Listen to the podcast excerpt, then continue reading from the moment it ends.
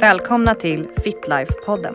Jag heter Susanne. Och jag heter Sofie. Och vi är grundarna av Fitlife. Fitlife är en rörelse för att främja varje individs rätt till ett friskt och njutbart underliv. Och vår övertygelse är att den resan börjar med kunskap så att du på så sätt kan göra ett avvägt val som passar just dig. Vi är en hemsida, fitlife.se, där du hittar information och fakta, tips och tricks och personliga berättelser om underlivsbesvär. Vi har en Facebookgrupp. Gruppen heter Fitlife, underliv och hälsa och har flera tusen medlemmar. Vi ger dig kunskap så att du kan hävda din rätt till ett friskt och njutbart underliv.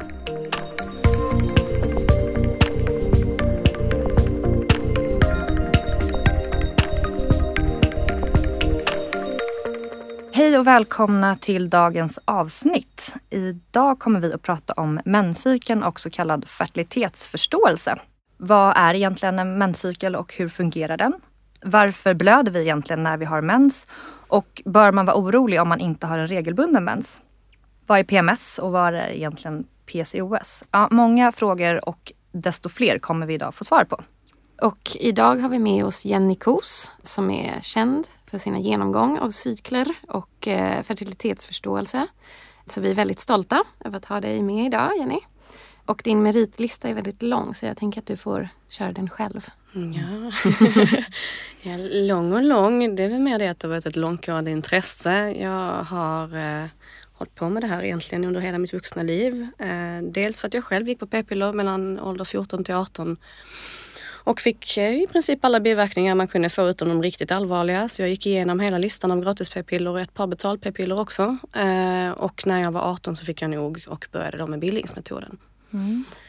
Så sedan dess så har jag gått via bildningsmetoden till uh, Taking Charge of Fertility och sen så småningom sitter jag i Justis. Uh, eh, och Justis är då en metodologi för att uh, kartlägga sin menscykel och även då ett college i Kanada. Och utbildningen till Holistic Reproductive Health Practitioner som jag då är och jag brukar översätta detta till svenska med sexualhälsorådgivare. För att det är inte så många i Sverige som tycker att varken holistik eller reproduktion är ord som man normalt använder. Eh, så att sexualhälsorådgivare går bra. Och den utbildningen inkluderar då både såklart liksom själva metodiken och fertilitetsförståelse och väldigt djupgående liksom kunskap om reproduktionsanatomi, fysiologi, endokrinologi. Men även aborthistoria, kvinnohistoria, eh, allting som har med preventivmedel att göra. Väldigt mycket analyser liksom, mellan de här olika sorterna och hur det påverkar och så. Och näringslära eh, och funktionsmedicin helt enkelt. Eh, så att jag jobbar ur ett holistiskt synsätt på människan och på mm. hälsa och använder menscykeln som ett diagnosverktyg. Och utöver detta så är jag också doula och bildningshandledare och lite mer sånt. Smått och gott. Så kul att ha det här, verkligen. Ska vi egentligen hoppa rakt på sak tänker jag. Och kan inte du berätta lite egentligen, för du är väldigt duktig och känd på ett väldigt på så pedagogiskt sätt förklara hur menscykeln fungerar. Och jag tror inte att jag är ensam om att jag blev väldigt förvånad och nästan lite chockad över hur lite jag själv faktiskt eh, visste om var, varför, liksom, vad är en menscykel? Vad finns, liksom, hur fungerar kroppen? Varför blöder man? Alltså så mycket jag inte visste och jag tror att det är, eller jag vet att det är många där ute som inte gör det. Så du får jättegärna förklara det för oss. Fire away alltså. Mm. Ja, det, det, är många som reagerar på det sättet, absolut. Det är det jag märker oftast på mina kurser, att eh, det uppstår en sorts liksom, raseri eh, kollektivt, speciellt hos de kvinnor som är liksom i 30-35 års ålder och nu försöker bli med barn och som har då växt upp i Sverige och så här, men vi har ju så bra sexualkunskap och så, men det har vi ju faktiskt inte. För det första så är det väldigt få lärare som har någon som helst utbildning eh, men som ändå håller i sexualkunskapen. Och sen så är den ju uppbyggd på det sättet den är så att säga. Så att eh, det här brukar vara lite av en liksom, eh, epiphany för de flesta. Och jag tror att det är många kvinnor som upplever också att när man väl kommer till den här åldern och vill ha barn och alltid blivit intalade att det är så lätt att få barn och sen upptäcker att det kanske inte var så himla lätt. Liksom så blir man väldigt besviken både på den vård och den eh, utbildning och information man fått men också ibland på sig själv. Så det kan vara ganska jobbiga känslor som kommer upp det är mycket det jag försöker göra, liksom hålla, hålla kvinnor i det här och bara ja men nu vet vi det vi vet och nu går vi vidare med det vi vet nu. Mm. Liksom. Och så får man bara ursäkta sig själv och alla andra instanser för att ja, det har varit som det har varit. Så då ska vi gå igenom menscykeln från början till slut så att säga fast det inte finns någon början och inte något slut. så menscykeln börjar alltid med mensens första dag. Eh, och det är alltså den första dagen med rött blod. Och det är då eh, så att säga den förra menscykeln som tar slut. Så att när mensen kommer så är det alltså det forna endometriet från förra eh, cykeln och endometrium betyder livmoderslemhinna. Så det är alltså linningen, liksom insidan av livmodern som växer till varje cykel i väntan på ett eventuellt befruktat ägg. Blir det då ingen graviditet så kommer det här endometriet att stötas ut i menstruationen. Eh, när detta händer så går signalen ganska omedelbart till hjärnan att det är dags att starta en ny cykel. Eh, så att då börjar den här kommunikationen och det är detta vi kommer lära oss tror jag mest av allt idag. Att det här är en kommunikation mellan flera olika hormonkörtlar, främst eh, hypofysen och då gonaderna, alltså äggstockarna. Och det är mycket annat som är involverat också förstås. Så att hjärnan registrerar då, okej okay, det är mens, det är lågt med hormoner, det är så lite av en nollpunkt kan man säga, även om det aldrig är noll. Liksom, så är det ändå ja, ett bottenmärke på något sätt. Eh, och då eh, reagerar hjärnan då med att okej, okay, men då sätter vi igång en ny kohort då av ägg. Med hjälp av hormonet FSH. Och FSH står det för follikelstimulerande hormon. Och follikelstimulerande, då hör ni nästan vad det gör. Alltså det stimulerar folliklar. Och folliklar är alltså eh, själva äggblåsorna. Så att äggen ligger i små blåsor och föreställer sig ungefär som mjuka äggskal med vätska i, som ett ägg ser ut. Och eh, ägget själv är extremt litet, liksom, eh, själva ovum. Eh, men vi har då alltså när vi som flickebarn föds så har vi alla ägg vi någonsin kommer ha. Mm. Nu tvistas det där dock lite grann om ifall vi kanske kan bilda nya genom stamceller som man har hittat i äggstockarna och så. Så det, det är mm. visst frågetecken kring ifall det verkligen är så att vi föds med alla vi kommer ha eller om vi kan generera nya. Men om vi utgår från det som vi har vetat än så länge i alla fall, så är det att eh, vi har då ungefär eh, 500 000 att spendera under vår reproduktiva livstid. Och varje cykel så stimuleras en kohort på ungefär 20 till 40 stycken. Och ett av de här, oftast bara ett. Eh, det finns ju kvinnor som har anlag för att släppa flera. Eh, man kan ju också stimulera till exempel i fertilitetsbehandlingar så, så stimulerar man ju då kan det bli flera ägg samtidigt. Oftast är det bara ett ägg som kläcks och det blir alltså den här folliken som är den dominanta. Så man kan säga att de tävlar lite om vem som ska få lov att kläckas. Och eh, då stimulerar alltså FSH från hypofysen i hjärnan och folliklarna svarar på detta med att mogna och växa till och medan de gör detta så utsöndrar de östrogen. Östradiol för att vara mer exakt för att östrogen är ett samlingsämne i grupphormoner. Östradiolet signalerar tillbaka till hjärnan att så här och så här mogna är vi. Eh, så att det här östrogenet är liksom så att säga, det är ju det fertilitetshormonet som orsakar alla de här förändringarna som vi kommer att prata om idag. Men det berättar också i en feedback loop tillbaka till hjärnan att så här och så här mogna är vi genom att signalera hur mycket östrogen vi har i blodströmmen. När man kommer till en speciell peak då, alltså när östrogenet når en viss topp, då reagerar hjärnan med ja, men då måste ju någon vara klar. så att säga.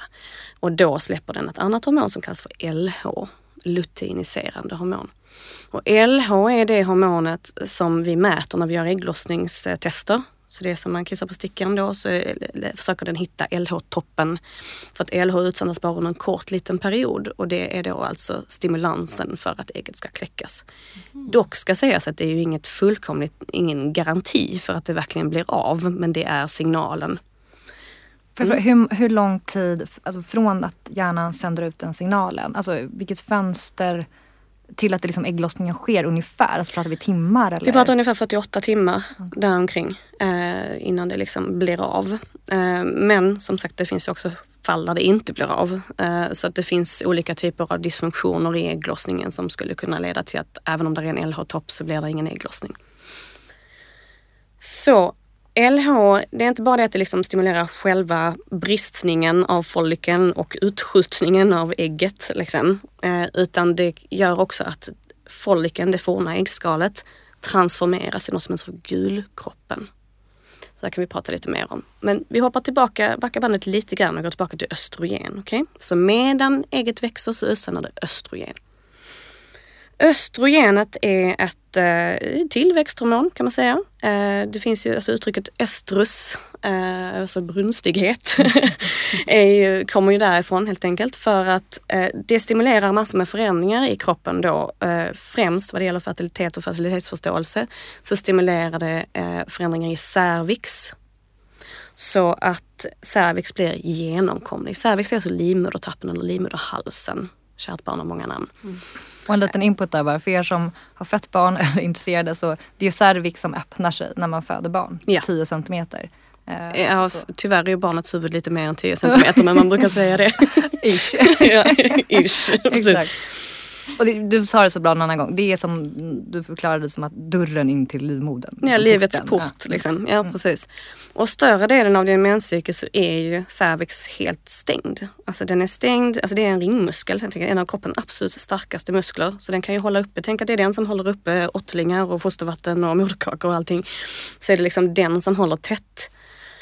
Eh, och i den här gången så har vi massor med små kryptor in så här från, från liksom den endocervikala kanalen. Eh, så finns det små kryptor där det tillverkas olika typer av sekret. Mm. Så dels så är själva liksom muskeln, själva eh, cervix stängd och gången är inte så öppen men där är också ett sekret under större delen av menscykeln, det vill säga de infertila delarna av menscykeln som är ogenomträngligt för spermier. Så här brukar jag skoja och säga att det är som, som att försöka simma i Philadelphia. Det är mm. liksom väldigt svårt helt enkelt. Det är, det är mycket celler, det är mycket liksom leukocyter och så vidare. Och det går inte att komma igenom. Eh, och det här har vi där större delen av cykeln. Men när folliklarna är aktiva, när du är hyfsat nära ägglossning och när du har alltså mycket östrogen i omlopp, då kommer detta att förändras och det här sekretet kommer att bli genomsläppligt. Det kommer att bildas vägar, avtagsfarter, vägskyltar, motell. det är som autobahn för spermier helt enkelt. Och det här eh, sekretet kan vi då själva observera. Eh, och det är väl här jag känner att här är den stora, stora, stora bristen i sexualkunskapen worldwide men också i Sverige förstås. Att kvinnor inte får veta att det här är faktiskt någonting du kan se själv. Och det är ju många kvinnor som har reagerat på att man har så himla konstiga flytningar vissa delar av cykeln. Så vad är det här? Plötsligt så sniglar man och det är liksom Det rinner och det är trådar och det är genom man undrar så vad är det som händer liksom. Och ingen berättar för oss att det här är ett ultimat tecken på hälsa. Det här är, du är fertil, du kan bli gravid de här dagarna. Tänk om vi hade fått veta det från första början. Mm. Så att under den här perioden så kan alltså spermier komma in. Eh, och vi har ju hört så att spermier kan överleva i fem dagar. Det är bara om de har fertilt sekret som de kan det. Och fem dagar utgår ifrån att det är ganska bra kvalitet på spermierna också. Men som längst så kan man säga fem dygn. Men då måste de ha rätt förutsättningar och det är det det här fertila säkerheten är. Det är alltså en anpassning för att de här stackars små liven, det vill säga spermierna, ska få lite hjälp och stöd här i tillvaron. Mm.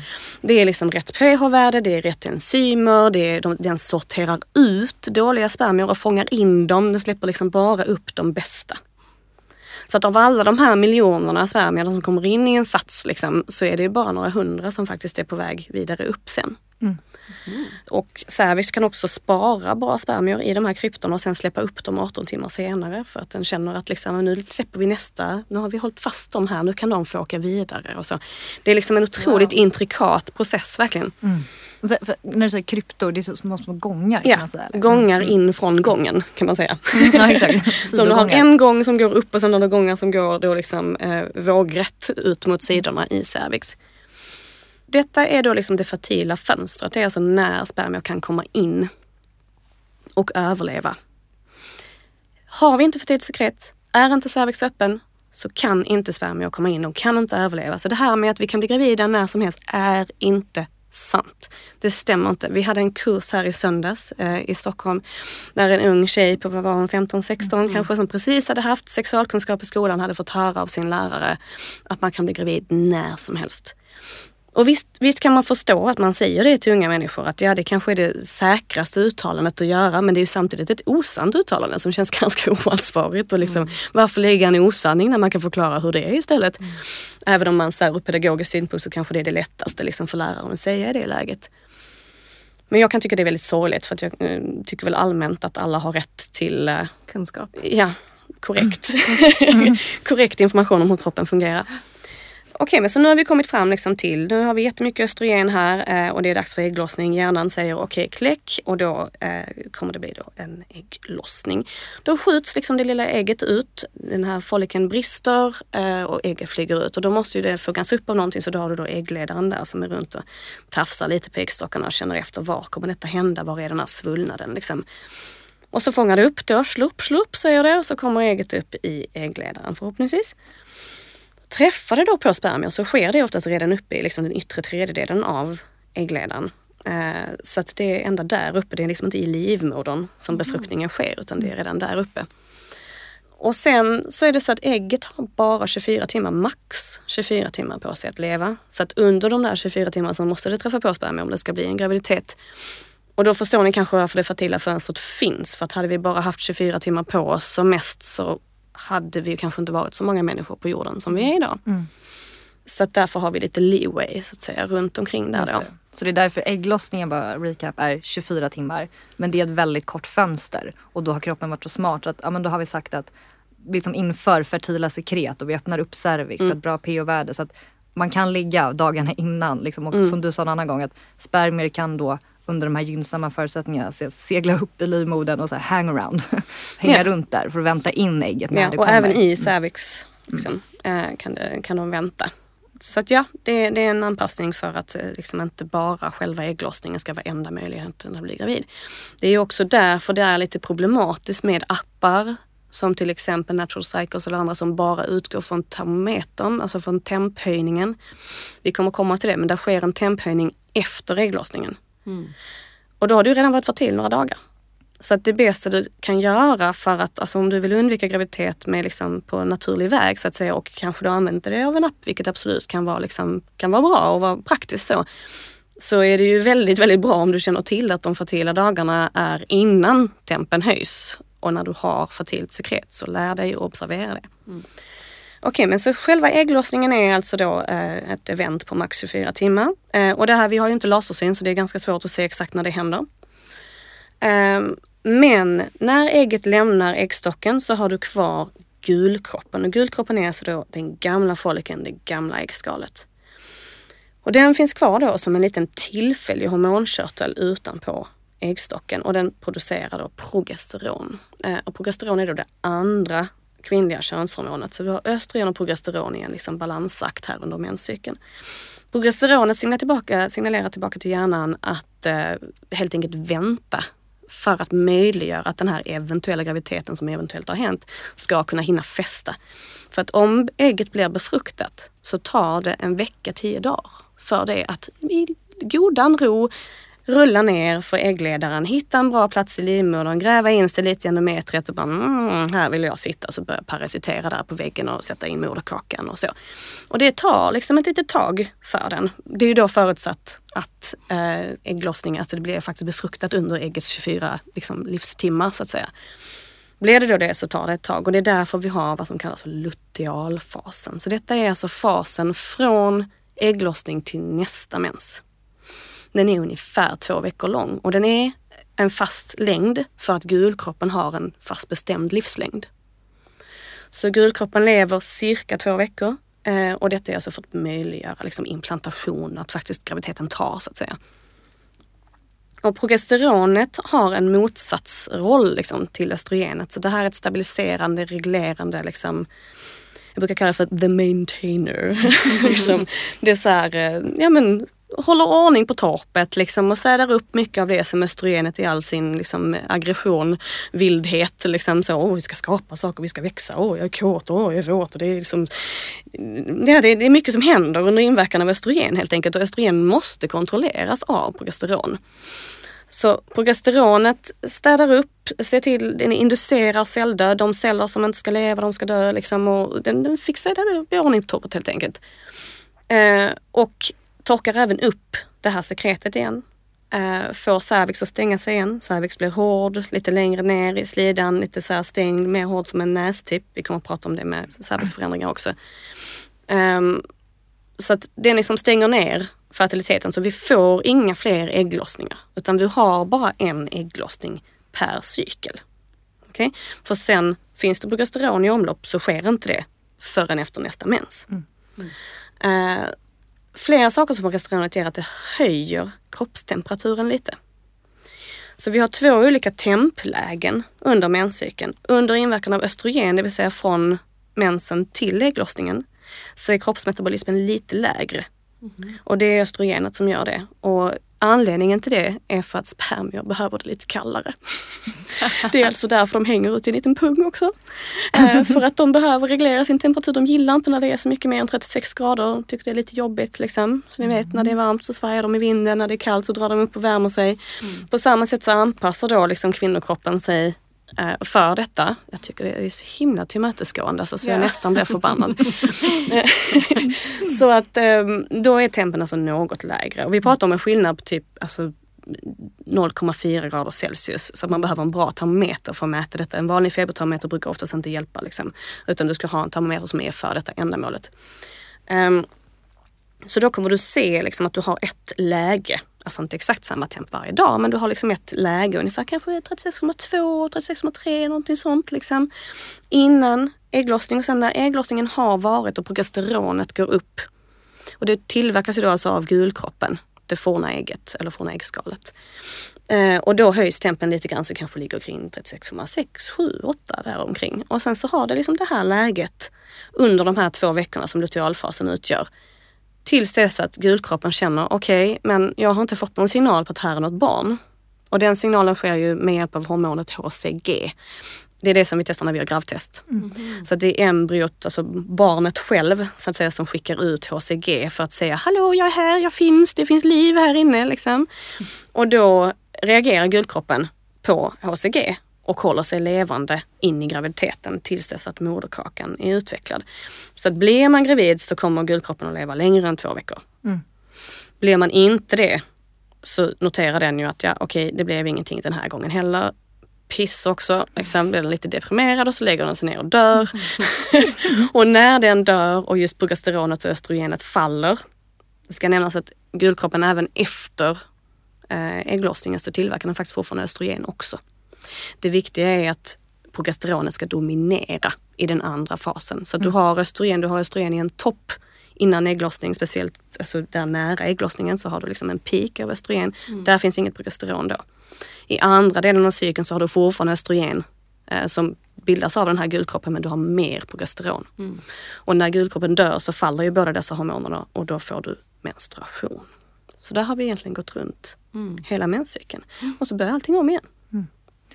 Och det jag tyckte var intressant första gången jag hörde det här att liksom där föll en polett ner för mig. Så, ah, men själva mensen som kommer ut, det är den här plantjorden som är till för att ägg, ett eventuellt befruktat ägg ska mm. götta in sig för vad är själva mensen om du beskriver? Det är ba, inte bara blod? Utan det är... Nej, det är endometriet är uppbyggt av flera saker. Det är inte som att slå på en kran liksom, till, till blodströmmen sådär och bara tappa ut lite. Utan det här är ju liksom, det är faktiskt nästan som ett levande organ. Alltså det, det, är liksom, det är slem och det är näring och det är liksom vävnad. Och så blod. Så det här är precis som du beskriver, plantjorden är nästan det bästa uttrycket.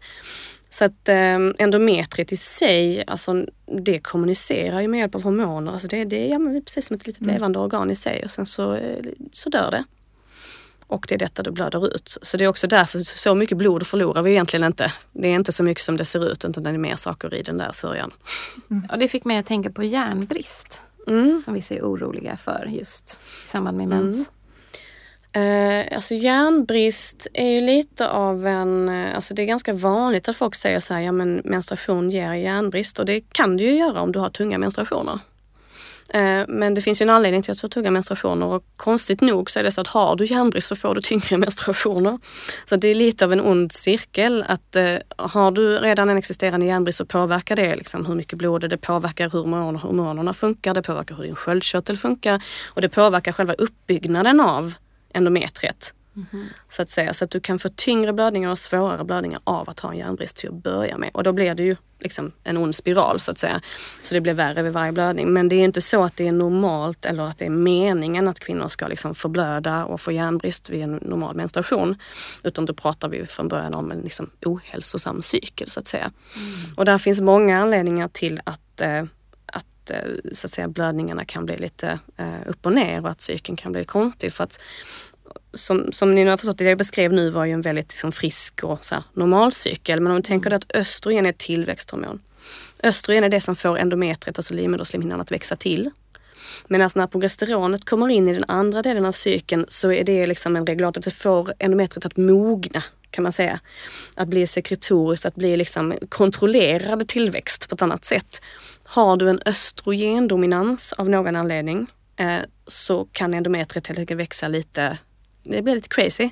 Mm. så att det kan bli liksom mer poröst och det blir en annan sammansättning och det blir klumpar och så och sen dessutom blödningen liksom start och stopp och så kan bli påverkad. Så att, att ha så tunga menstruationer, egentligen så är gränsen vid 80 till 200 milliliter eh, alltså mm. genom hela menstruationen. Om du tänker att en menskopp brukar väl ligga på ungefär 30 milliliter. Mm. Och det är under hela menstruationen för sig. Då är det ungefär 3-4 menskoppar under, en hel mens alltså under mm. hela menstruationsperioden okay. som är en normal blödningsmängd. Behöver du byta menskopp eller byta binda liksom flera gånger om dagen så är det förmodligen för mycket. Mm. Så vad är en, ett, ett normalt vad man, antal dagar som man blöder? Vad, vad Tre till sju dagar. Eh, och är det mindre än tre dagar då brukar jag fundera om det verkligen är menstruation. För att det finns ju många anledningar att blöda. Det behöver inte vara just menstruation. För att menstruation som term liksom, hänvisar till den blödning som sker till följd av en ägglossning två veckor tidigare. Sen finns det massor med andra sorters blödningar. Du kan ju blöda från cervix, du kan blöda från vagina, du kan blöda av mm. helt andra. Du kan ha myom, du kan ha liksom spottings av olika slag och genombrottsblödningar och bortfallsblödningar och så. Till exempel när du, har, eh, när du går på p-piller så är det ju inte mens du har. Mm. Det är en bortfallsblödning. Mm. Uh, för att du har inte haft någon ägglossning. Uh, alltså är det inte menstruation. Så att uh, vi säger ju i dagligt tal mens, men det behöver faktiskt inte alltid vara det man hänvisar till. Det finns massa olika blödningar. Så jag brukar vara väldigt noggrann, liksom, eller jag är väldigt noggrann i, när jag pratar med mina klienter. Liksom, att säger de till exempel, ja men min mens är så himla lätt och det är bara en, två dagar och så kommer den så här lite oregelbundet. Då tror inte jag de har någon ägglossning. Mm. Utan då ber jag dem att tempa så att vi kan bekräfta var ägglossningen sker. Många gånger så är det så att det är ingen ägglossning. Och den blödning som de upplever är en typ av antingen genombrotts eller bortfallsblödning. Vissa kvinnor upplever ju en liten smärta nästan vid mm. själva ägglossningen. Va, vad är det? Det är vätskan från follikeln. Alltså om du tänker att ett ägg innehåller vätska, liksom, om du knäcker det, så är det det. Uh, så att det genetiska materialet är ju i själva liksom ägget och det ger sig av och ner i, ner i äggledaren men du har ju också lite vätska i follikeln. Och precis innan follikeln kläcks så att säga så är den ju ibland två centimeter i diameter. Liksom. Så den kan vara ganska stadig så, så är det en liten, liten mängd vätska där helt enkelt. Och detta kommer ju rakt ut i bukhålan. Så att den smärta som många känner av, det kallas för mittelschmerz. Eh, alltså smärta i mitten av cykeln. Eh, och därför så kan man få en liten smärta. föreställ sig att det är liksom lite vätska som är på ett ställe där den ska vara. Alltså tänk som man får ont om man har ett blåmärke, en inre blödning. Liksom kroppen reagerar med lite inflammation, reagerar med och det här måste vi rensa bort. Liksom. Dock så är det så att har man väldigt ont, alltså ont i ena två dagar liksom, och har svårt att gå och så, då kan man räkna med att man redan har en inflammatorisk miljö i bukhålan. För att ju mer inflammation det finns liksom till att börja med, desto mer smärtsamt kommer det vara. Mm. Alternativt också att den här follikeln var ovanligt stor. Så att många kvinnor som lider av till exempel cyster, mm. där de åker in just akut. Eh, jag har själv varit med om dem och tänkt, tänkt att herregud nu har jag fått en äggledarinflammation. Det gör så fruktansvärt ont. Det gör ont i liksom en, två veckor. Men när man då gör det här ultraljudet, det man ser är ju att då är det en större blödning. Så då har du haft en follikel som har gått lite cray cray.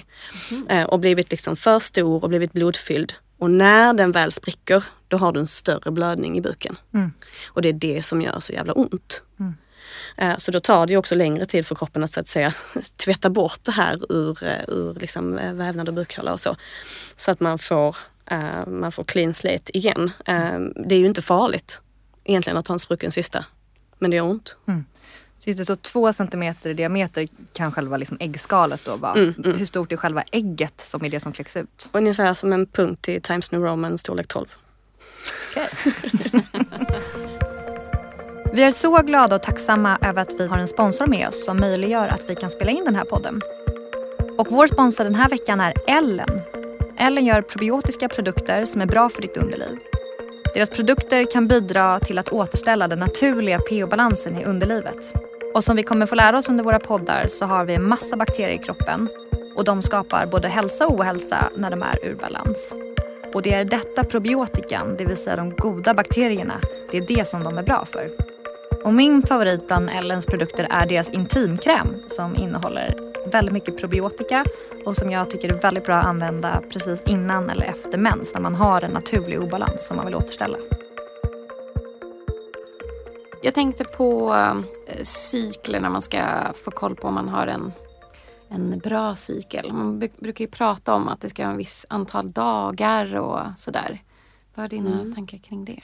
Alltså vi har ju den här klassiska år 28 dagars cykler. Liksom. Mm. Eh, jag brukar kalla det för skolbokscykeln. Mm. Eh, och då utgår man från att man har då liksom ägglossning på dag 14 och det har att göra med att lutealfasen är cirka 14 dagar. Men det är ganska få som faktiskt har 28 dagars cykler. Så att det som är variabeln i menscykeln så att säga, det är hur lång tid det tar från mensen till ägglossningen. Så hur lång tid tar det innan ägget är så att säga Eh, färdigt att kläckas. Och det här är väldigt ofta påverkat och det ser vi ju väldigt mycket idag liksom med hur många som har PCOS, hur många som har oregelbundna cykler, alltså endometrios och så vidare. Och så vidare liksom. Så att då allt det här påverkar ju. Det här, kom, det här är ju en allmänhälsofråga. Det är inte, som, det är inte fel på äggstockarna liksom, utan det finns andra faktorer som påverkar hur lång tid tar det innan kroppen känner att den är liksom så här, men nu har vi råd att genomföra det här ganska liksom biologiskt dyra eventet ägglossning. liksom. Mm. Eh, för det är mycket som ska klocka, det är mycket som ska stämma helt enkelt. Och, och har man olika hälsoproblem, säg till exempel sköldkörtel, issues, näringsbrist, undernäring, alltså liksom all, allting som eh, som påverkar allmänhälsan kommer också påverka reproduktionen. Mm. Så att eh, det är väldigt vanligt att cyklerna är oregelbundna. Det behöver inte betyda att man inte kan bli gravid. Det är inte det. Man måste inte ha en 28 dagars cykel för att kunna bli gravid. Utan det jag lär ut är ju att man ska identifiera när ägglossningen faktiskt kommer. Sen så finns det en hälsomässig fördel med att ha regelbundna cykler och det har att göra med hormonbalans. För har du en hyfsat regelbunden cykel så har du en hyfsad balans mellan just östrogen och progesteron. Så att den första delen av cykeln är dominerad av östrogen och blir den då förlängd och det är den delen som blir förlängd eller förkortad. Eftersom den andra delen, lutealfasen, från ägglossningen till mensen, den är alltid hyfsat fast. Så den flyttar sig liksom med var ägglossningen sker så, mm. så flyttar sig den här lutealfasen med. Eh, och blir då den första fasen väldigt lång, då har du ju liksom en relativ progesteronbrist i relation till hur mycket östrogen som har eh, producerats. Just det. Och vad kan, vad säger man, skjuta upp ägglossningen eller kanske släppa den för tidigt? Det vet jag inte vad som är vanligast. Men vad kan det, är det stress eller vad, vad är det för faktorer? Alltså olika former av stress, ja. Och stress är ett väldigt vitt begrepp så att det kan ju vara stress, alltså emotionell stress, fysisk stress, eh, stress i form av att du inte har den näring du behöver för att utföra det, du är sjuk. Alltså, så. så att eh, ja, olika former av stress helt enkelt. Och det absolut vanligaste är väl att den blir förlängd, alltså att den helt enkelt skjuts fram eller ställs in helt och hållet för att kroppen bara, nej det här, du ska inte ha några ungar nu liksom. Mm. Det här, du mår ju inte bra. Mm. Um, I vissa fall kan det också bli så att den kommer väldigt, väldigt tidigt.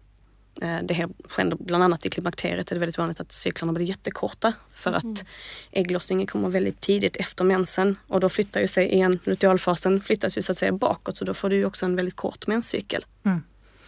Eh, du kan också ha problemet att din lutealfas är för kort. Alltså att din gulkropp inte är tillräckligt livskraftig mm. för att kunna liksom eh, hålla uppe de här två veckorna som du behöver. Då är det ett fertilitetsproblem. Mm. För att har du en för kort lutealfas så kanske du kan bli befruktad men inte gravid så att säga. För att graviditeten hinner aldrig så att säga sätta sig under den här korta lutealfasen och då har du också en funktionell, alltså du får en progesteronbrist. För att mm. progesteron kommer från gulkroppen. Och i allt detta, det jag försöker liksom att, att lära ut, är att alltså, vi är ju väldigt, i det samhälle vi lever med den medicinska, om man nu kan kalla det tradition eller den standard som vi är liksom lärda att eh, förhålla oss till. Så eh, vill man ju gärna så rätta till symptom. Att finns det någon liksom brist eller symptom så vill man gärna sätta till precis den faktorn eller stänga ner precis det symptomet. Mm. Medan jag säger att det bästa du kan göra för hormonhälsa är ju faktiskt att främja din ägglossning. För att har du då progesteronbrist, vilket många upplever att de har och det har vi väl kollektivt kan man ju säga. Alltså, absolut, det finns jättemycket liksom, exempel på det. Men det beror ju på att folk inte ägglossar mm. korrekt eller alls eller tillräckligt ofta. Uh, och det är där, eftersom gulkroppen är ett resultat av hur väl så att säga, tillmognad och kläckt folliken blir. Så det är den här transformationen som är viktig. Så att för att få en robust gulkropp som producerar tillräckligt mycket progesteron så måste du också ha en vettig ägglossning. Mm. Så det är den du måste främja för att kunna förbättra de här sakerna. Jag kan bara instämma. Jag om jag bara tittar på mig själv eh, så vet jag att när jag på många sätt bytte livsstil, började med olika, liksom, i mitt fall meditation som stresshantering och så vidare och så vidare. Då gick jag från en väldigt oregelbunden mens till att den nu är extremt regelbunden och på tid. Mm. Så det är häftigt att se när man gör liksom, lite kost och livsstilsförändringar utefter ens eget liv och verkligen ser effekten av det. Eh, mm. Mm. Och precis som du säger, du nämner meditation där. Jag jobbar ju också mycket med liksom kosttillskott och allt möjligt. Och man börjar med kosten, man börjar med att fråga, okej okay, men hur lever du faktiskt? Och vad äter du? Hur mår du? Eh, och många gånger så är det visst, det finns de som äter fruktansvärt dåligt och det finns de som äter helt hyfsat. Men jag måste säga att den emotionella stressen, alltså ambitionen, prestationen hos alla de här 80 och 90-talistkvinnorna som nu har liksom rent epidemiska proportioner av PCOS. Liksom och, och, så. Det är ju just, ja, men det är högpresterande, ambitiösa, jätteaktiva liksom kvinnor som pushar sig själva. Eh, och som samtidigt, ska jag nämnas, vi är ju också uppväxta på en viss typ av diet och i en livsstil som faktiskt är helt ohållbar. Alltså för tittar vi evolutionärt på hur kvinnokroppen och hur menscykeln är utvecklad så är ju liksom de här 100-200 åren nu en väldigt kort tid för att vi skulle kunna anpassa oss till liksom, the demands of today så att säga. Mm. mm. Eh, så att utgår vi från en så här stenålders liksom, perspektiv så är det här fullkomligt vansinnigt. Att vi ska sitta framför skärmar och vi ska äta så mycket socker som vi gör och vi ska pusha oss själva med kaffe när vi egentligen inte orkar. Mm. Det är liksom inte, vi har ingen dygnsrytm, vi har inte liksom... Och eh, ser man till liksom vissa kulturer där du inte har den här livsstilen så finns ju liksom till exempel PMS och klimakteriebesvär och så. Är inte alls, alltså det är inte ens känt på vissa ställen. Men i västvärlden så är det ju så här, det är normalt att ha PMS. Och vi pratar om PMS som att det är någonting som man ska ha. Det är inte någonting som du ska ha, det är ett resultat av en hormonobalans. Är det sant? Ja, det är det. Sen ska vi kanske lägga till, alltså där finns, där finns en aspekt som är detta att ja, det är ett resultat, alltså ett fysiologiskt resultat av hormonobalans. Men tittar vi rent samhällsmässigt också, och nu ska vi bli lite mer så här, prata lite mer patriarkat och så, så är ju också de, de krav som ställs på kvinnor i ett samhälle som är vad det är, väldigt patriarkalt och, och liksom linjärt och inriktat på produktion och det ska vara statisk produktion och vi ska liksom åstadkomma lika mycket varje dag och jobba likadant som män, vilket också är ganska orealistiskt för de flesta kvinnor. Hade vi haft en arbetssituation där vi hade kunnat anpassa oss efter våra cykler, kunna leva lite cykliskt, kanske förändra våra arbetsuppgifter, liksom våra dagar efter var vi befinner oss i cykeln så kanske vi inte hade upplevt PMS mm. som så besvärande som det är mm. för många. För det wow. finns väl en en så att säga inbyggd, som du säger, alltså, det är en cykel, olika hormoner som till viss del ändå påverkar oss. Eh, som, så, så lite, vad ska man säga, man pratar lätt PMS är väl naturligt att uppleva. Ja, ja alltså skillnader i mm. mående, absolut. Det är klart att det är normalt mm. men, men det ska inte vara så att man mår katastrof. Det ska inte vara så att man vill liksom skjuta av halva mänskligheten under två veckor av sin cykel eller ha ihjäl sin partner. Eller, mm. alltså det, det är faktiskt inte normalt mm. och liksom de, de ömma spännande, spännande brösten och allt. Alltså det, nej, mm. det, det är faktiskt inte friskhetstecken. Vad kan vara underliggande orsaker till det? Det var lite det vi var inne på innan. Mm. Alltså ofta så har det att göra med en progesteronbrist. Och mm. progesteronbristen har att göra med antingen det att ägglossningen i sig inte har gått riktigt eh, optimalt till. Eller det att vi stjäl progesteron. För det blir så att hormoner de konverterar. Så att om du Eh, om du till exempel då är väldigt stressad, vilket ju många av oss är. Vi har den här lågintensiva stressen hela tiden istället för att ha en naturlig stress. Om vi tittar igen på senåldersmänniskan. Först så stressar man jättemycket för man ska jaga ett djur eller någonting och sen så sitter man faktiskt och flår det här djuret i tre dagar och gör liksom lite handarbete kring detta och sitter faktiskt och reglerar sina binjurar och liksom kommer ner på jorden. Eh, det har vi ju inte idag utan det är en ständig deadline. Du har det alltid på nacken. Liksom. Och plus det så har vi ljuset de artificiella ljusen, du har ingen dygnsrytm längre. Alltså du lever inte i samklang med ljus. Eh, och då är jag så här, man behöver inte bli för flummig och säga att så här, oh, men oh, månen och ja visst, alltså, självklart påverkar det men om man ska bli rent fysiologisk så påverkar det för att ljuset påverkar ditt melatonin och ditt melatonin påverkar i sin tur alla dina könshormoner. På samma sätt hur mycket socker du äter det påverkar ditt insulin och ditt insulin påverkar dina könshormoner. Så att alla hormoner samspelar hela tiden. Men hur eh, alltså om man ha, upplever att man har en, en, en liksom jobbig PMS eller PMDS är väl den aggressivare versionen. Så. Vad är dina bästa tips? Finns det några så här allmänna tips som man kan få som tjej? Alltså först och främst styr upp näringsstatus. För att du behöver en viss näringsstatus för att kunna genomföra de här biologiska eventen, så att säga. För att kunna få en bra eh, ägglossning och för att kunna eh, processa dina hormoner, konvertera dina hormoner, bryta ner dina hormoner, vilket sker i levern, så behöver du ha en vettig näringsstatus. Och idag så har vi generellt sett inte det och det är inte för att vi inte har någon mat utan det är för att vår mat är tom på näring. Mm. eh, och till det då såklart stress påverkar och alkohol påverkar och kaffe påverkar. Så allting som så att säga rensar ut den näring som vi egentligen hade behövt eller använder upp den på någon annan funktion, ofta mm. stress kommer ju att göra att vi får en näringsbrist och det är ju många inte medvetna om. Så att jag går ju oftast in och först tittar på kosten, sen pratar vi kosttillskott, sen kan man prata om örter, man kan prata om alltså, vad det nu är som sker. Ibland är det bara meditation som är the trick. Liksom. Mm. Men det måste man ju se efter just den personen. Vad är din trigger? Varför upplever du detta? Jag har sett kvinnor som får fantastiska resultat bara genom att sluta med kaffe. Mm. Mm. Och, och, det som du, vi också pratade lite om, eller du nämnde här med förlängda cykler eller så, en, en progesteronbrist. Um, är det det ofta som man säger när man har PCOS?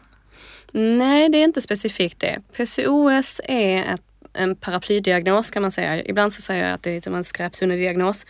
Det är där väldigt många hamnar som helt enkelt har oregelbundna cykler. Eh, för att få diagnos, en korrekt diagnos på PCOS så måste du ha både det här så att säga kända pärlbandet Pärlbandet är alltså att när man med vaginalt ultraljud ser att på äggstocken så har du många halvmogna folliklar. Alltså att där är folliklar som är igång men där är ingen som är dominant. Det verkar som att det liksom kommer inte riktigt till ägglossning. Och det, bara det ultraljudet kan du inte använda som underlag, vilket väldigt många får det på. Så jag har pratat med väldigt många kvinnor som säger, men jag har PCO, ja men och mer då? För att du kan ha fått det där ultraljudet under en period i ditt liv eller en period av din cykel där det faktiskt är helt normalt att ha en del halvmogna folliklar så att säga. Eh, och senare kanske du ägglossar det. För att eh, du kanske gör ett ultraljud när du är under den här så kallade mognadsfasen. När ett gäng ägg så att säga tävlar om att bli det som är dominant. Precis, och det, det beror ju på var du är i cykeln och det beror på också hur såg du ut precis då. Om du var i en extremt stressad period av ditt liv då du kanske har en tenta och du har suttit och druckit kaffe i två veckor liksom och inte sovit ordentligt. Så då kan det ju bli en sån situation. Men en vecka efter det där ultraljudet så kanske du fick ägglossning. Mm. Så att det behöver inte vara så att det här är någonting återkommande. Men är det någonting återkommande och du dessutom har en hormonprofil där du har för mycket androgener. Androgener kan man förklara som manliga könshormoner. Fast vi har dem också, så de, är, de tillhör inte män. Liksom. Utan vi har dem också. Och det som sker är att folliklarna istället för att eh, producera östrogen så konverterar det här till testosteron och dihydrotestosteron. Mm. Så många av de här känner som har PCOS har ju också symptom i form av akne, hirsutism, alltså kropps, ökad kroppsbehåring, till exempel en liten mustaschväxt eller kring liksom raggarsträngen eller så. Och det här, eh, så att diagnosen måste sättas i, liksom, i helhet. Du kan inte bara säga att ja, det, det är så. Och här vill jag lägga till, jag kan inte nämna hur många kvinnor jag har pratat med nu som har fått diagnosen efter att de har gått på p-piller. Mm. Inom sex månader efter avslut. För att deras mens kommer inte tillbaka. Och när man, hör, när man pratar med så många, och dessutom såklart finns det ju i litteraturen, att i många fall så är faktiskt PCO en effekt, alltså det är en bieffekt av p-pilleranvändning. Mm. Men det sorgliga är ju att när folk får den diagnosen för att deras mens då inte kommer tillbaka och cyklerna blir lite koko efter p-pilleranvändning eh, så får de som enda råd att gå på p-piller. Mm. För det är den enda medicinen som finns, men det är ju ingen medicin mot PCO, tvärtom. Eh, och grundproblemet i PCO är insulinresistens. Så insulinresistens, alltså vi kan säga att det är som ett förstadium till diabetes. Eh, så det handlar helt enkelt om att socker, din sockerhantering är off eh, och du får i dig antingen för mycket socker eller du hanterar socker konstigt. Och därför så skjuter insulin i höjden. Eh, och ju mer insulin, höga insulinnivåer vi har desto mer resistens får vi då mot insulinet. Mm. Och insulin påverkar folliklarna direkt. Så att en del av den här konverteringen till testosteron och så vidare sker på grund av för höga nivåer av insulin. Mm. Så att eh, när man läser, jag har skrivit en lång uppsats om PCO nu och sådär och då det är liksom den ska man säga, den ultimata grundanledningen, det och stress i kombination. Eh, och då brukar jag titta så på hur vår generation är uppväxt. Jag är född 87 eh, och det är ju många av de kvinnor jag pratar med också, liksom kring där någonstans. Eh, och vi är ju uppväxta på Alvedon, Kavapenin, antibiotika, lite andra penicillinsorter, nudlar, lösgodis, mm. p-piller och bullar. Mm. och lite flygande Jakob ibland. Mm. och, och det, det kommer ju liksom oundvikligen att leda till Alltså oavsett om man blir överviktig eller för diabetes eller inte, så det, det leder inte till hälsa, den där kosten. Liksom. Det där är ingen bra start för ditt tarmsystem.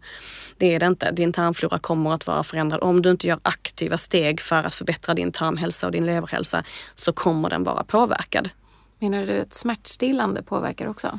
Ja, det gör det. Det finns massor med studier på det. Det finns ju till och med från Läkemedelsverket att de avråder från användning av smärtstillande, speciellt då NSAID, om man försöker bli gravid. För att det mm. påverkar ägglossningen kraftigt.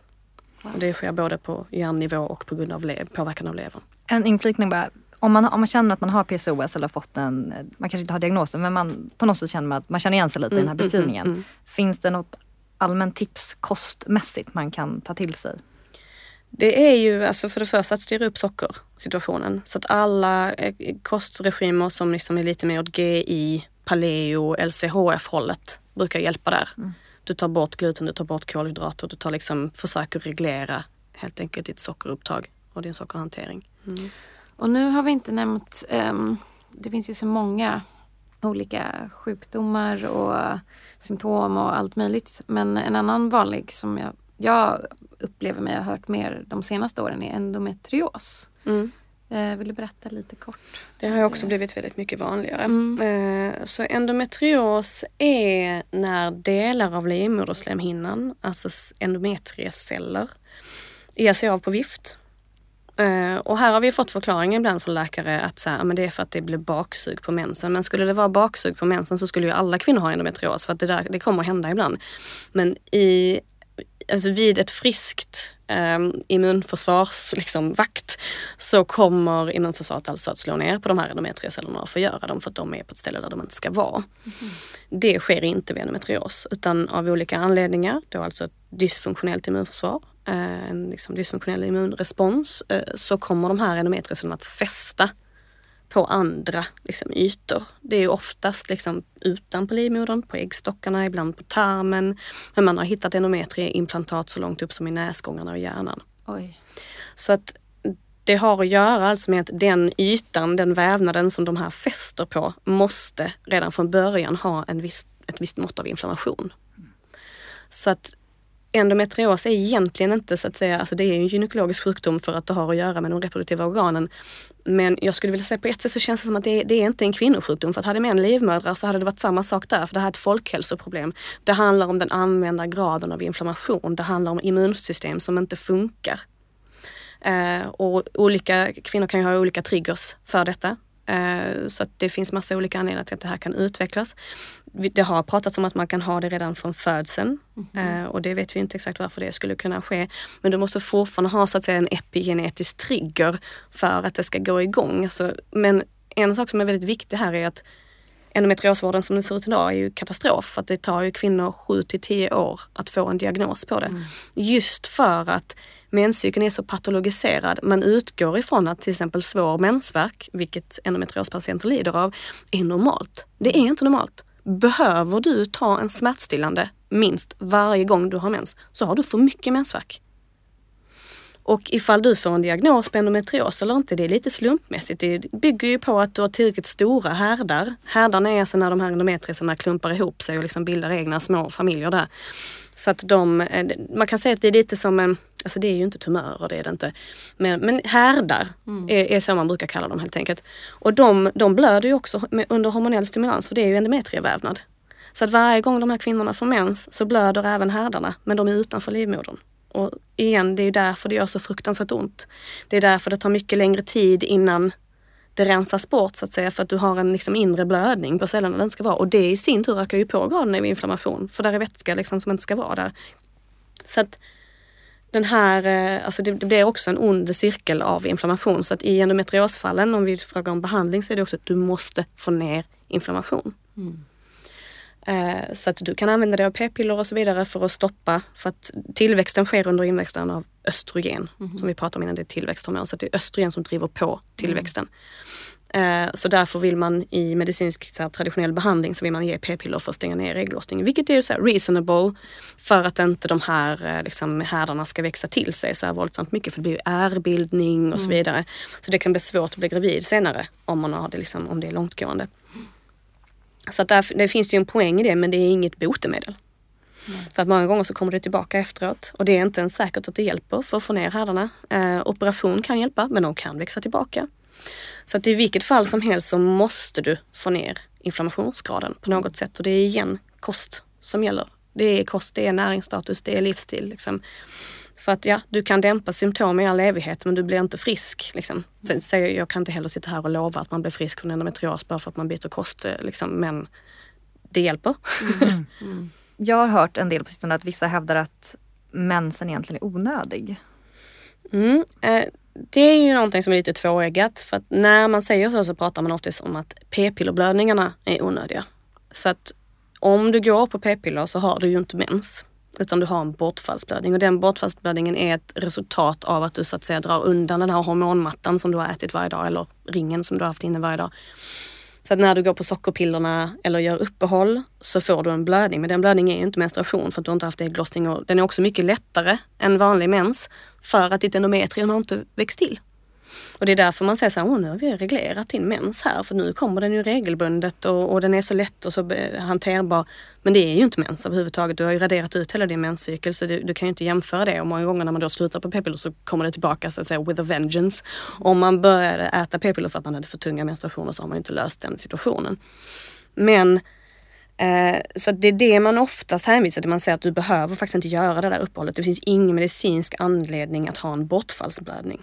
Däremot, verklig menstruation, den är ett resultat av ägglossning. Och det är inte menstruationen som är det viktiga, alltså förvisso, men den är ett bevis på att ägglossning har skett och den sker på grund av att ägglossning har skett. Mm. Och det är ägglossning som är the big event. Det är ägglossningen som är hälsofrämjande. Men då pratar jag om friska cykler.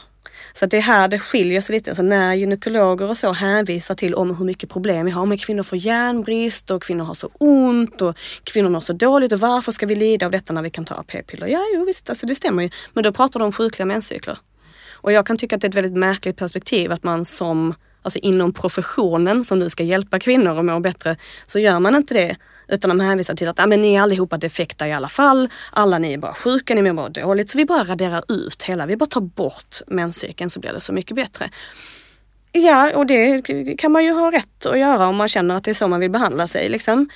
Men jag jobbar ur ett perspektiv så att jag vill gärna så främja, okej okay, men det måste inte se ut så här. Det behöver inte vara så här. Jag vet själv av erfarenhet, nu har jag hållit på med detta i 18 år och experimenterat här med både kosttillskott och kost och alla möjliga faktorer. Jag kan säga att det går alldeles utmärkt att vända en situation från att ha fruktansvärt svullna bröst och vilja ha ihjäl folk och må katastrof och ha jättemycket mensvärk till att inte ha ett enda symptom alls Förutom lite ökad kåthet vid ägglossning. Det är mm. trevligt att ha kvar tycker jag. Eh, Absolut. Men ehm, så att, att, säga att mensen är onödig, det, det, tycker jag är väldigt märkligt. Eh, för att då utgår du från att en liksom, fysiologisk funktion som faktiskt påverkar inte bara livmoder och reproduktion utan allting i din kropp. Alltså det finns ingenting inget system i din kropp, alltså allting från benhälsa till kardiovaskulära systemet påverkas av östrogen och progesteron. Så att säga att den funktionen är onödig blir ju jättekonstigt, speciellt med tanke på hur många som faktiskt vill ha barn sen. så blir det ju så här, du kan ju inte säga att den bara inte har något värde, för det är ju den du tar bort, det är ägglossningen du förtrycker mm. när du använder syntethormonella preventivmedel. Exakt.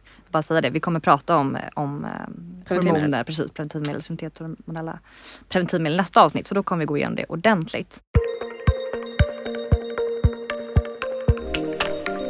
Kan inte du berätta fertilitetsförståelse för någon som aldrig hört det innan. Vad är det för någonting?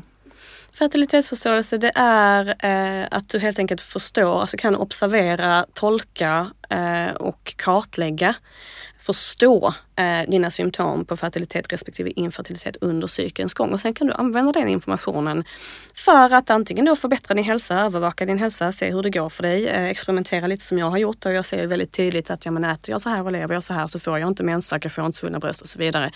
Men också såklart för att bli eller inte bli gravid.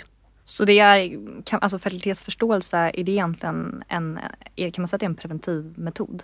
Det kan vara en preventivmetod. Eh, fertilitetsförståelse är ju den grundläggande förståelsen. Vill du ha en preventivmetod så måste du följa liksom ett eh, systematiserat eh, regelverk så att säga hur du förhåller dig till de här tecknen.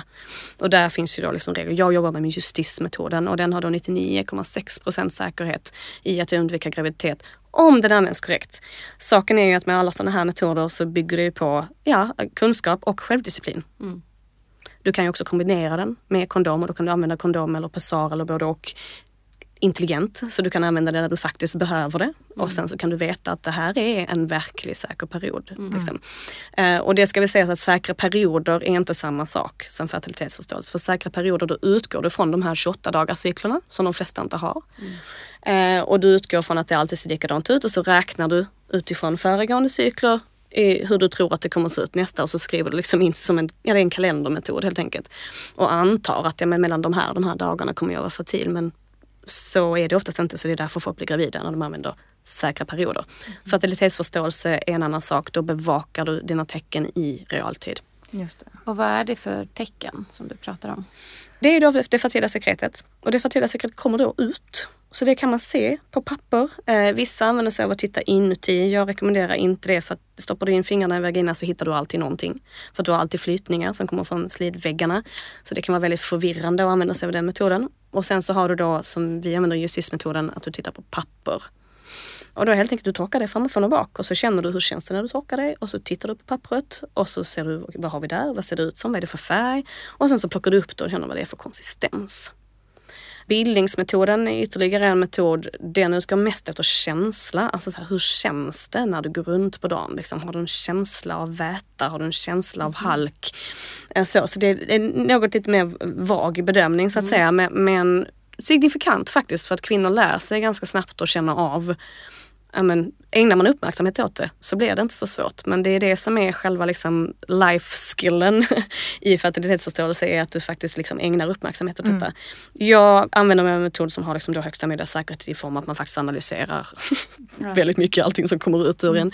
en. Uh, jag har en liten fyraårig dotter som så brukar liksom titta i mina trosor när jag sitter på toa. Jag är ensamstående så jag har inte så stort val. Hon är på toa med mig oavsett jag vill eller inte. Och så här, hon frågar liksom så, så tittar hon. Mamma, är det nu blod från vulvan eller har du en bebis i magen? Så, vad är det där? Liksom. det är teacher me young. Ja, verkligen. Men, men viktigt att säga också är att den har ju en väldigt hög eh, vad säger man, säkerhet, mm. den här mm. metoden. Men det är som du säger, det är om man liksom kan den, man använder den korrekt. Mm. Eh, så att viktigt att inte bara tro att nu med den här informationen kan man den metoden. Nej. Men bara om man ska kort bara ge en förklaring då vad är skill- hur, hur beskriver man ett fertilt sekret mot ett icke-fertilt sekret? Alltså fertilt sekret är det du kan plocka upp från pappret. Så fort du kan plocka upp någonting eh, som liksom lägger sig ovanför pappret, oavsett om det sen ser ut som yoghurt eller äggvita, så är du fertil. Det är en ganska bra grundregel. Och sen utöver det eh, så har du i en symptotermal metod som justismetoden är så använder du tempmätning också. Så då tar du din waking temperature, alltså din temp, basalkroppstemperatur som du har när du vaknar på morgonen innan du har gjort någonting. Så du ska ha sovit fem timmar, du ska ha liksom så här, inte haft någon älskare med dig eller en elektrisk filt eller vaknat och ammat eller så utan du ska liksom ha sovit. Och då mäter man tempen då på morgonen, eh, helst 10 minuter faktiskt. Det beror lite på vilken temp man har men eh, i alla fall några minuter så det är inte en sån här omedelbar bip bip, det funkar inte. Mm. Och därför så eh, ser du då den här grundmetabolismen som ju styrs lite av östrogen och progesteron och då ser du liksom skiftet efter ägglossning. Så då kan du ju veta när ägglossningen är över. Eh, mm. Och då gör man en liten marginal där, ser till att ägget verkligen är dött och förgånget. Och sen har man, där har du den verkliga säkra perioden. För att är mm. ägglossningen över och det är borta, mm. då kan du inte bli gravid. Alltså det finns ingen chans. Liksom. Uh, och det är en sån där grej, jag kan nästan bli lite förbannad. Jag tänker på, varför var det ingen som sa det? Alltså, mm. Att det faktiskt fin det finns ju en säker period. Det är bara det att du måste lära dig identifiera den. Du kan mm. inte bara utgå från att den sker på samma... Liksom, vi, jag är ingen maskin, jag är kvinna. Brukar jag säga som mm. Susanne Reuter så briljant sa i Yrrol 1994. så att uh, jag tycker det är liksom så här mysigt. Vi kan faktiskt inte utgå ifrån att det alltid är samma. Precis som en app. Det finns ju många appar som opererar på samma sätt. Att mäter de har temperatur. Ja, som mäter temperatur men som också utgår ifrån den här liksom, säkra perioder grejen. Att de bygger en algoritm på hur det var innan. Många som använder till exempel period tracker kan ju märka att det inte alls stämmer när den säger att du ska få mens eller ägglossning för det, det, det stämmer inte överhuvudtaget. Eller som nu, vi har en del graviditeter från natural cycles där en del av dem säkert är på grund av att ägglossningen har flyttat på sig. Mm. Kommer den tidigare än vad den brukar göra, ja men då har ingen app någon chans att liksom räkna ut det. Gissa det, nej. nej. Nej, den kan inte anta det. Och då har vi, om vi ska prata om de här tecknen, sekret och temperatur, är det något mer? Cervixposition och öppenhet och mjukhet kan man också kolla. Eh, sen är det lite så, man, man ska inte pilla för mycket på cervix heller. Det finns ju, alltså, för det första måste man försöka ha rena fingrar och sådär och man behöver liksom inte hålla på och pilla där hela tiden. Men, men det är absolut ett, så att säga, ett tillägg som kan vara väldigt hjälpsamt. Det var till exempel så jag själv eh, blev gravid med min dotter att jag, jag hade väldigt lite sekret. Sådär så att det nästan var svårt att observera det. Inte så lite så att det inte fanns någonting för då hade jag inte kunnat bli gravid. Men eh, så pass lite så att det var liksom svårt att och, ja, observera det helt enkelt. Och då körde jag ju så att jag helt enkelt går in på toaletten innan samlaget i fråga och eh, känner på cervix. Och det är det så att cervix är ju då som sagt en ringmuskel. och Det är det enda man hittar i slidan. Så går man in med fingrarna så är det det enda som är där. Förutsatt att du inte har glömt någonting annat där uppe så, så är det liksom den som är där. Eh, och den sticker ner lite som en nästipp eller liksom som ett litet plommon. Så, här, liksom så. Och den är oftast lite så här hård som en nästipp, ganska fast. Liksom. Och så är det en fördjupning i mitten då som är hålet, så att säga, vägen in. Har man fött barn eller gjort en abort eller så, så är det oftast lite, lite mer som en mun. Inte ett direkt hål utan lite större så. Man har ändå klämt ut en unge därifrån så att säga. Um, och den här mynningen kommer ju då vara mer eller mindre öppen för att under inverkan av östrogen, när du är fertil i det fertila fönstret så kommer cervix också att vilja släppa in. Så den kommer dels att liksom öppna sig lite och så kommer den mjukna. Från att kännas från en, som en nästipp så kan det bli lite mer som, en, som läppar. Mm. Uh, och den kan också liksom flytta sig lite längre upp, linjera sig lite mer. Det är många som rapporterar att det känns mycket skönare att ha sex när man har ägglossning. För att cervix helt enkelt är mycket mer, eh, ja men släpper in på ett annat sätt och tycker att ja men här ska vi strömlinjeforma mm. den här passagen, liksom hål mot hål, välkommen in så. Medan när man då verkligen inte är fertil, som till exempel eh, dagarna precis innan mens, så kan ju vissa ställningar helt enkelt inte funka för att cervix är liksom hård, långt ner bakåtriktad och den är mm. helt enkelt i vägen. Mm. Så att så här, när man, man undrar, men gud den sten, aj, det där gjorde ont, varför ja. gjorde den det? Så sitter cervix där och bara, vad, gör du här? Vad, vad, ska du här och göra? Det är liksom no business up in here. Mm.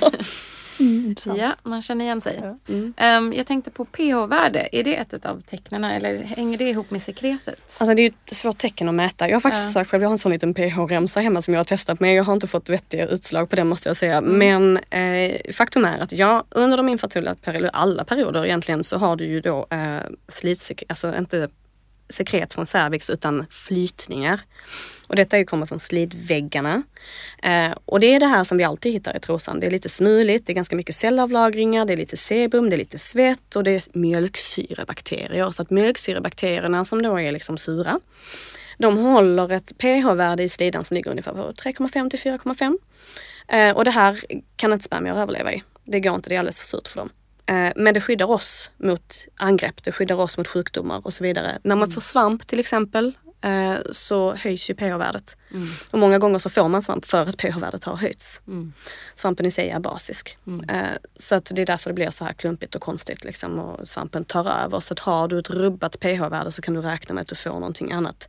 Det är också en av anledningarna till att man kan få liksom fler heter det, sexuellt överförbara infektioner Eh, för att är liksom pH-värdet försvagat, det vill säga mer basiskt, så går det lättare upp. Och det här är en effekt av p-piller tyvärr, mm. att det mm. påverkar just eh, så att säga det vaginala immunförsvaret. Mm. Eh, så att när, när du då är dina infertila perioder så är ju cervix stängd. Du har liksom inget sekret som kommer ut. Så att under de dagarna kommer du förmodligen känna dig torr i princip torr. Så att säga. Det är ju de också som har mycket flytningar så att man alltid känner en lite så här mm. krämig känsla när man torkar. Men det får man identifiera själv. Det är som man lär sig. Lär man sig en sån här metod så måste man lära sig vad är mitt grundmönster? Liksom, hur ser det ut när jag är på mina infertila dagar? Och när sker skiftet där jag plötsligt börjar känna, oh gud nu här var det kladdigt, vad händer här liksom? Så det är det man får börja liksom ägna uppmärksamhet åt. Så att eh, när det fertila sekretet börjar produceras från cervix då under inverkan av östrogen, då det här fertila sekretet är alltså basiskt. Så det matchar sperman. När jag säger sperma så menar jag alltså satsen, inte spermierna, utan satsen som de simmar i. För den är också väldigt basisk, alltså ungefär pH 8. Mm. Så 7,5 till 8,5 så. Och eh, de behöver ha det basis för att överleva helt enkelt. Så att då ser ju cervix till och eh, möta det behovet. Och när du då alltså, producerar cervixsekret så kommer ju slidan att så att säga neutraliseras. Så från det här sura, det är inte det att flytningarna plötsligt försvinner liksom, men du neutraliserar själva passagen. Så att spermier kan överleva under den tiden. Men för, så, så att det finns cervixsekret så att säga och sen finns det vanliga flytningar. Mm. När man är då fertil då, då kan man uppleva en väldigt så hal, alltså man Mm. var på toaletten och kissade rent sagt så kan det bli väldigt halt när man torkar sig. Mm. Ehm, men, men du pratar om det här som lägger sig på pappret som kommer ut. Men Mm. kan det också vara producerat från cervix väldigt så rinnigt? Ja, mm. det kan kännas, alltså för vissa kvinnor så hittar de inte ens det som är på pappret utan det känns bara, vissa dagar så känns det bara väldigt, väldigt halkigt och vattnigt. Liksom. Men däremot vanliga, alltså när du har vanliga flytningar sådär liksom och inte, inte någon infektion och inte någonting annat utan bara precis vanliga flytningar. Då känns det inte glidigt när du torkar dig utan även om du skulle kunna, liksom, om du verkligen gnuggar på pappret så kan du hitta någonting, liksom, att det är lite så här smuligt mellan fingrarna. och Så. Men, men det är inte det här att det är liksom en vätska för att det, det cervikala sekretet är väldigt vattenhaltigt. Det är inte flytningarna. Så det lägger sig på pappret på ett annat sätt eh, och den här glidiga kvaliteten kommer inte från vanliga flytningar. Däremot kan det ju vara dumt att kolla de här grejerna precis som man är upphetsad. Har man legat och haft förspel i tre timmar så är det ganska värdelöst. Liksom, för att då, Precis, tänkte på det. mm, men det kommer inte från samma ställe. Så att upphetsningsvätan kommer från två små körtlar som heter Bartolins körtlar som är precis vid mynningen. Så det är vårt glidmedel helt enkelt. Det kommer inte från samma ställe även om det kan se lite, kan, det kan se och kännas lite liknande ut. Men det är en sån grej som man i då till exempel justismetoden får lära sig att skilja mellan. Mm. Vilket går att göra. Just det. Då kanske vi avrundar här. Jättestort tack till dig Jenny för att du bidrog med all din enorma kunskap och kompetens. Det känns så oerhört värdefullt att få sprida den här kunskapen. Som ju var väldigt ny för mig själv och för Sofie för bara några år sedan. Verkligen. Och eh, nästa vecka är du med oss igen. Och Ja. då tänkte vi prata lite närmare om preventivmedel, syntethormonella preventivmedel framförallt. Mm. Och eh, även lite gynekologiska myter. Men fram tills dess, hur kan vi komma i kontakt med dig eller våra lyssnare? Eh, Jag har ju Facebook-sidan Vulverin och hemsida just nu under konstruktion så den finns inte ännu. Men man kan mejla mig på vulverinq.gmail.com eh, eller då via Facebook-sidan. Jag tänkte bara lägga till en sak som du nämnde här om att det är mycket som är nytt. Min, liksom, vad jag verkligen så brinner för och mitt kall i allt detta är ju att detta är en mänsklig rättighet och det här är en förutsättning för feminism. Ska vi verkligen så här gå framåt nu. Eh, och visst, vet, vi, har kommit, vi har gjort stora framsteg men det är ändå 2018. Och att kvinnor inte har den här kunskapen är för mig fullkomligt ofattbart. För att det jag sitter och säger är det är samma sak som gynekologerna läser. det, är- det är liksom grundläggande biologi som vi borde ha förståelse för. Hade kvinnor kunnat detta från första menstruationen bara föreställa er vilket samhälle vi hade haft. Alltså föreställa vad kvinnor hade kunnat verkligen, vilken beroendeställning vi hade kunnat undvika. Som vi nu befinner oss i, både gentemot liksom, patriarkatet och gentemot eh, medicinen. Att kan vi detta så har vi också en helt annan position i att kräva vår rätt, kräva rätt vård, eh, kontrollera liksom, vår fertilitet och så vidare. Och så vidare. Så att oavsett vilken preventivmetod man väljer att använda så är det här ett fullkomligt, liksom, det är en fullkomlig förutsättning för att kunna ta informerade val. Mm. Jag håller helt med dig. Verkligen. Så att man själv kan fatta beslut utifrån samma liksom, kunskapsnivå som alla bör ha rätt till. Verkligen jättespännande. Vi hoppas också att alla lyssnare har fått mycket kunskap och nya insikter. Och är det någon som eh, eh, vill komma i kontakt med oss eller tycker att någonting är oklart så kan ni även mejla till eh, oss på Fitlife. Hello at fitlife.org eller fitlife.se. Och gå även med i vår Facebookgrupp Fitlife underliv och hälsa där det pågår samtal dagligen. Det var allt från oss den här gången. Tack så Mm. jättemycket. Ses nästa gång.